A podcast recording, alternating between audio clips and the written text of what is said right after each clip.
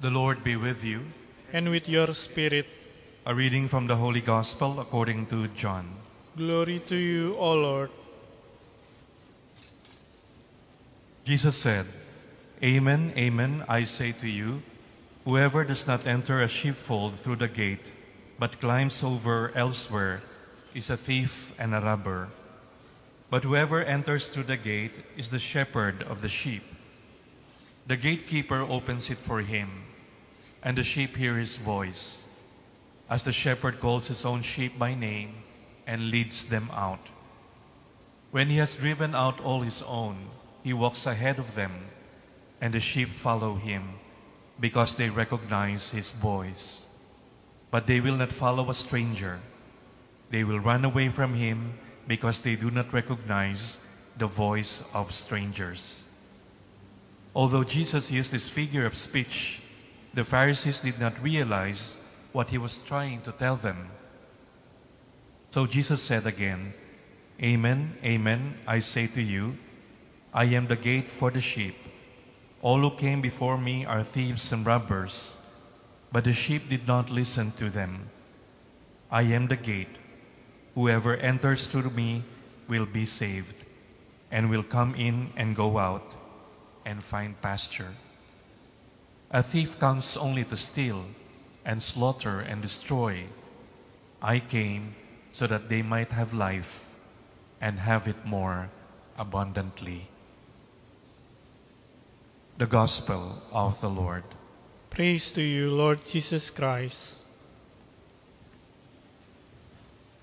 Good morning, brothers and sisters. Today is designated as the um, Good Shepherd Sunday, and at the same time, it is also Vocation Sunday. I'm sure this is not the first time for most of us who have heard the gospel about Jesus as the Good Shepherd. But in our readings for today, I would like to present our reflection, especially the allegory, the image of shepherd and sheep, of shepherd and flock, as a pathway to a relationship with God. A pathway to a relationship with God. Yes, as believers, we are in a relationship with God. But how do we picture this? What is the dynamics of this relationship? How do we understand it and how do we grow in it? Our readings for today as a pathway is something that we can pursue to understand more, to engage more, and to go deeper into our relationship or in the relationship between God and His people. So, how shall we go about this? We have on one side the gospel reading. The gospel reading serves as a revelation. Jesus telling us who He is to us. I am the gate. I am the good shepherd. By the way, the, the text, I am the good shepherd, is the next verse after the last line of the gospel from John chapter 10, verse 11. And the whole gospel is from the section or discourse on the good shepherd. So, on one hand, we have this revelation.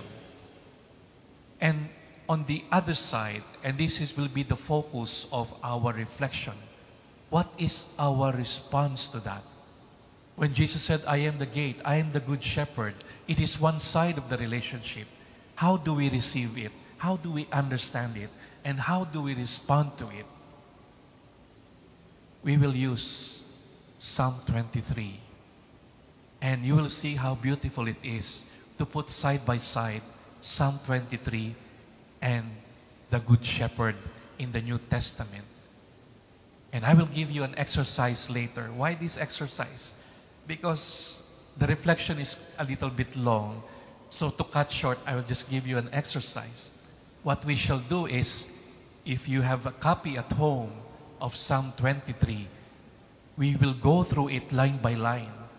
If you want to do it later, as you go through each line, you close your eyes and ask yourself, what do you remember? What part of the Gospels reminds you of this line in Psalm 23. And when I was doing that, a lot of things are coming to my mind, and it's impossible to share it to you now, but I will do so, some of them. So here, I'm the gate, I'm the good shepherd. Here we have Psalm 23. You know, just, just the first verse about the sheepfold, and I am the gate. The sheepfold is a low stone wall open to the sky with only one gate. So it's like a pen, an animal enclosure. So that's where the animals are enclosed at the end of the day, and it has only one gate. And that is why when Jesus said, I am the gate, there's no other way to go inside except through the gate. And the ones who go through the gate are the ones who know the shepherd, the one who recognizes the voice, the one who responds to his voice. If you can enter through the sheepfold or through the pen without passing through the gate, the gospel tells us you are not the shepherd, you are a thief. You are passing through another place, another way. So when you look at this, it can already answer what is a day like in the relationship between shepherd and sheep? What is the morning like? And what is the evening like? And I find this simple but beautiful. The shepherd, imagine the shepherd at the gate. First thing in the morning, the first thing that he does is to call on his sheep. To call, and that call is a call to the pasture. Let's go. Let's eat. Let's go and graze some grass. It is a call to life. The morning starts with the call to life. And the one who can respond are the ones who can only recognize the voice of the shepherd and are willing to follow him. They are the ones who will find and go and reach the pasture land. And at the end of the day, the voice calls again. This time to return to the sheepfold. This time to return to the pen and to be and to find rest with the shepherd. Imagine our life. I was thinking, that is supposed to be my life. When we pray in the morning, that is what we are supposed to be hearing. The morning prayer is supposed to be a call to life, a call of God, a call to begin the day, to seek life and seek life in its fullness. And that's why it's good to start the day with that voice that calls us to life, the voice of the shepherd. And how do you intend to end the day? Listen to the voice again. He calls you in your evening prayer, in your night prayer. Come, return to the sheepfold, have some rest, and I will watch over you. I will be at the gate. I am the gate. I will protect you. You see the dynamics of this pathway to our relationship with, with God. How it opens up the day and how we ends up the day, how we ends up the day with Him. But what about what about the rest? And this time let us go to Psalm 23. You know, Psalm 23 is like anticipating what is yet to be revealed by Jesus. It was something of the Old Testament, and yet something is already being said about the Good Shepherd. And yet, that Good Shepherd, we call him Lord. David called him Lord. It is to be revealed in Jesus, in his person, as our Messiah it's like the Old Testament anticipating, prefiguring what is yet to be revealed, what is yet to come, the image of the Messiah as shepherd. Psalm 23 is said to be written by King David, who is a shepherd himself, remember. Before he was anointed king, he was a shepherd of the flock of the family. And later he was anointed as shepherd king of Israel. And yet, this great shepherd king, before the Lord, who is he? He was just a sheep like us. He was just a sheep like us. He begins his Psalm 23 by categorically stating who the Lord is for him and what he meant to him. The Lord is my shepherd, and there is nothing I shall want. Psalm 23 started with something that is categorical. The Lord is my shepherd. Strong statement. The gospel, the same. It is a categorical statement. I am the gate. I am the good shepherd who lays down his life for his sheep. Now, Jesus was categorically stating that in the gospel. And now let us allow King David. King David is with us. Let us allow King David to walk with us in that pathway, to lead us and to help us understand this new and eternal shepherd, Jesus. And this is where I will go a little bit fast. But just to give you an idea, Psalm 23 tells us, The Lord is my shepherd, I shall not want. In verdant pastures he give me repose. I remember the multiplication of the bread. The scene is a verdant pasture. The people were scattered and were asked to sit on the grass. The Lord is the shepherd that multiplies the bread and feeds us. Beside restful waters, He leads me. He refreshes my soul. Matthew speaks of this. Come to me, all you are weary and find life burdensome, and I will give you rest. One day, when the apostles came back from the apostolate, He said to them, Come by yourselves to a deserted place and rest for a while. He always thinks of, of our condition. Are we in good health? Are we okay? Do we have rest? Come and rest for a while. Psalm 23 says, He guides me in right paths for His name's sake. John tells us, I am the way and the truth and the life. No one comes to the Father except through me. Is it not an image of a gate? No one comes to the Father except through the gate, who is Jesus. Even though I walk in the dark valley, I fear no evil, for you are at my side. How many times did Jesus tell them, Do not be afraid? Do not be afraid. In the storm, in the sea, in his absence, when he died and returned in the resurrection, do not be afraid. And then he tells us, I will be with you until the end of time. You spread the table before me in the sight of my foes. Reminds me of the Eucharistic table.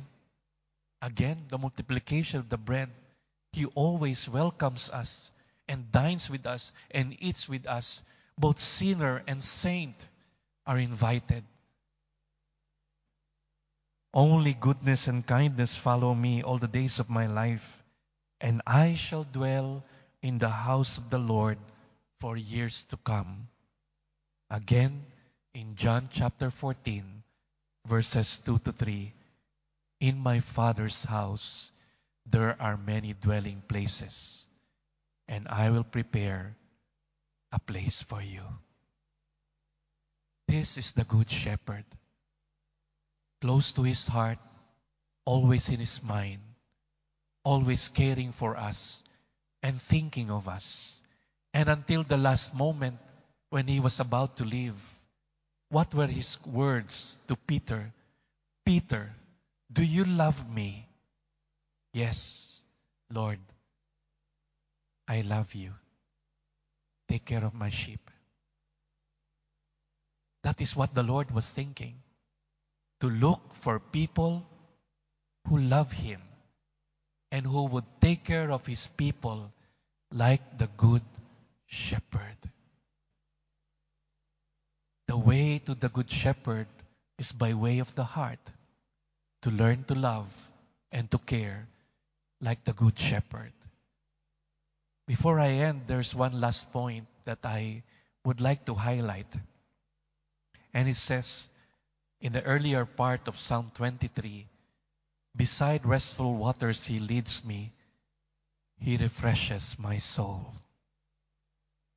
When I was really reading this again and again, I don't know, I would always stop at this verse. He refreshes my soul. It is not just my body. He refreshes the, the depths, the inner depth of my being. And that is what is so personal and intimate about the shepherd and sheep relationship. That's how deep it goes. Only He can reach and touch the depths of our soul.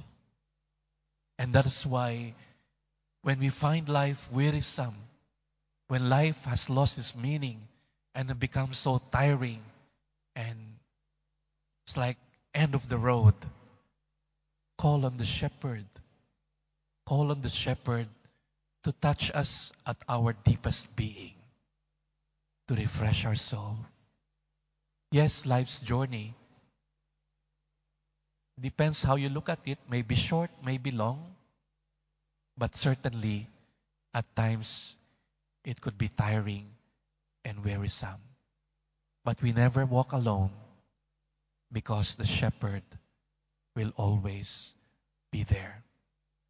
So, this is your assignment for today.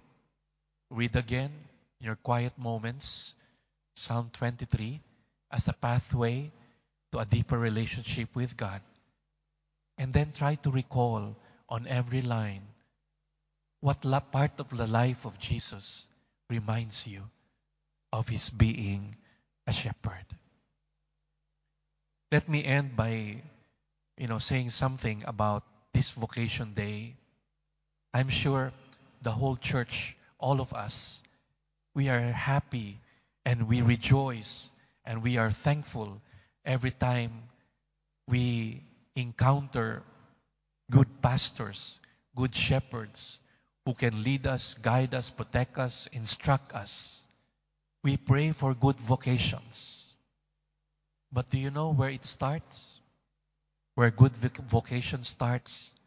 If we want good vocation in the church, it always starts in the family. Let them feel love. Let them understand and see what caring is all about. This is a picture of the shepherd. Introduce them to the good shepherd. It takes time to learn the way of the shepherd. And that's why to expect that seminary formation is enough, no. It starts way, way back during our formative years. And that's why to parents, to families, yes, we pray together that the church will always be gifted with good vocation. But you are the first formators. Everything starts in the home. Introduce them to Jesus, the Good Shepherd.